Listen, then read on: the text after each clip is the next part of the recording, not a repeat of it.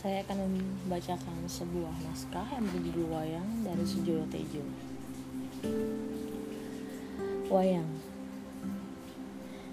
Ayah Bu Hori bukanlah dalang, melainkan kakeknya. Wayang-wayang itu diwariskan kepadanya sehingga Bu Hori bisa bermain-main dengan wayang-wayang kuno itu. Termasuk pada hari Minggu ketika bocah berambut agak pirang ini tak turut ayahnya ke kota.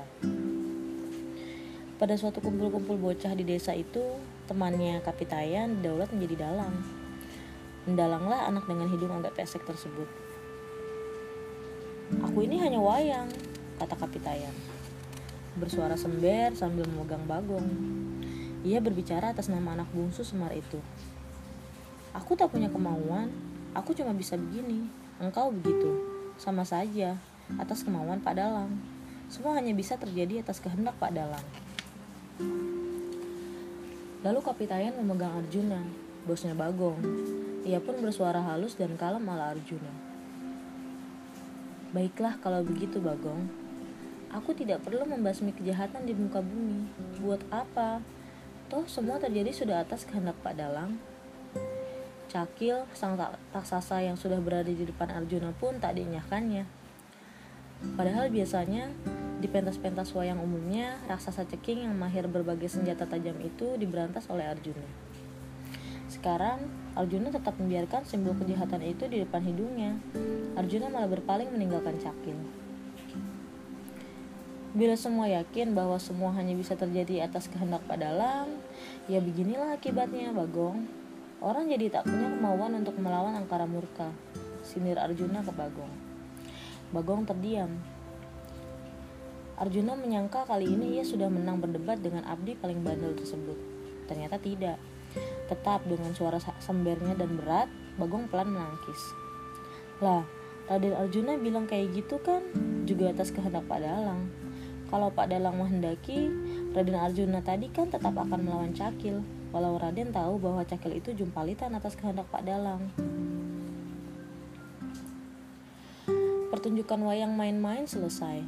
Christine keplok-keplok paling keras. Parwati bilang, ini bisa begini kan karena wayang kulit, persis wayang golek. Wayangnya tak punya kehendak sendiri. Uang bahannya cuma dari kulit, dari kayu. Hanya ada kehendak padalang. Coba kalau bahannya dari orang, seperti wayang orang. Di sana padalangnya punya kehendak, tapi wayang-wayangnya juga punya kehendak. Semua tercenung mendengar bocah berambut lurus panjang putri seorang penari itu, termasuk Christine ia diam seperti sedang menyimak konser musik gesek kegemarannya. Tepat malam purnama, ketika wayang orang di pendopo kecamatan Pentas, semua anak menontonnya. Ceritanya tentang kisah cinta antara Rama dan Sinta. Pertunjukan diakhiri dengan perang antara pihak Rama, suami Sinta, dan pihak Rahwana yang menculik Sinta. Ah, Parwati senang. Betul kan? Serunya.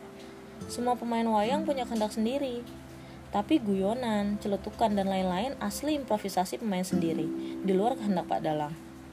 Iya sih, tapi semua patut terhadap jalan cerita pada dari Pak Dalang, kata Kapitayan. Sambil mencet-mencet hidungnya yang tidak mancung. Di sebelahnya, Bu Hori mengelus-elus rambut agak pirangnya. Suatu ketika Tuhan berfirman kepada Nabi Daud alaihissalam, Engkau berkehendak aku berkehendak. Yang berlaku adalah yang aku kehendaki. Jika engkau berserah diri kepada kehendakku, aku memenuhi kehendakmu, dan jika tidak, engkau akan lelah mengejar kehendakmu, sedangkan yang terjadi adalah kehendakku juga. Namanya juga Tuhan, maka kekuasaannya pasti absolut. Tiada yang terjadi di luar kehendaknya. Sesuatu tidak terjadi jika dia tidak menghendaki. Lalu apa peran manusia? Manusia menjalani kehendak Tuhan baik melalui kehendaknya sendiri maupun kehendak Tuhan secara langsung. Namun yang terakhir ini sama sekali bukan pekerjaan gampang. Apa yang dikira kehendak Tuhan bisa jadi itu kehendakmu sendiri. Begitupun sebaliknya. Hal ini berkaitan dengan ketidakmampuan manusia memahami kehendak Tuhan, karena mustahil memperkirakan aktivitas Tuhan. Namun, bukan berarti pembatasan terhadap adanya kemungkinan memilih Memilih adalah hak dasar bagi manusia. Setiap pilihan ada resikonya.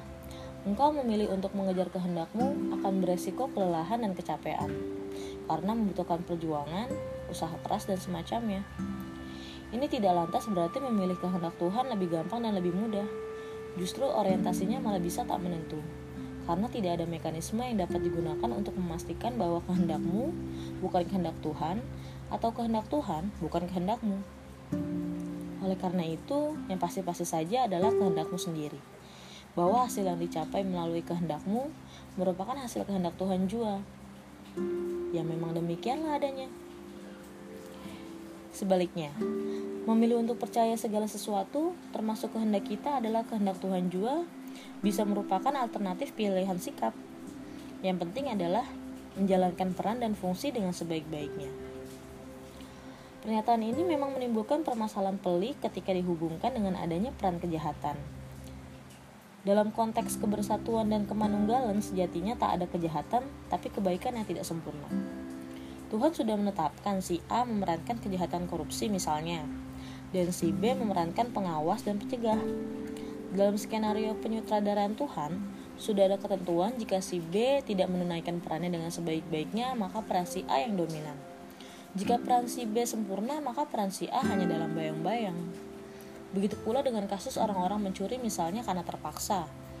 Ketidaksempurnaan bukan pada pencuri, melainkan pada peran pemerintah yang tidak sempurna melaksanakan perannya sebagai penyedia pekerjaan kepada yang bersangkutan, termasuk penafsiran adanya orang yang mencuri karena kepepet mungkin karena peran masyarakat yang tidak maksimal menyantuni. Dengan kata lain, permasalahan ini bisa dilihat dari dua perspektif secara bersamaan. Dari perspektif Tuhan, si koruptor atau pencuri menjalankan peran sebaiknya karena sesuai dengan skenario Tuhan.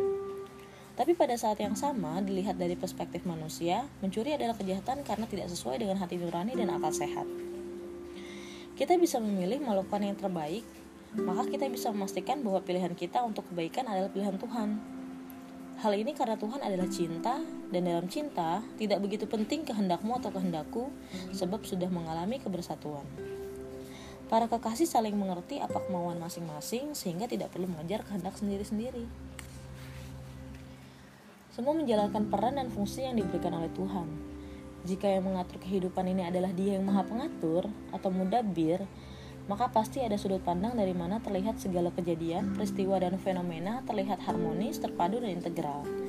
Yaitu sudut pandang yang tidak lagi melihat baik versus jahat, bagus versus buruk, indah versus jelek, dan sebagainya. Sebagai dua hal yang konflik dan bertentangan tetapi justru saling melengkapi. Termasuk dalam memandang kaya versus miskin, senang versus sedih, bahagia versus sengsara, dan sebagainya.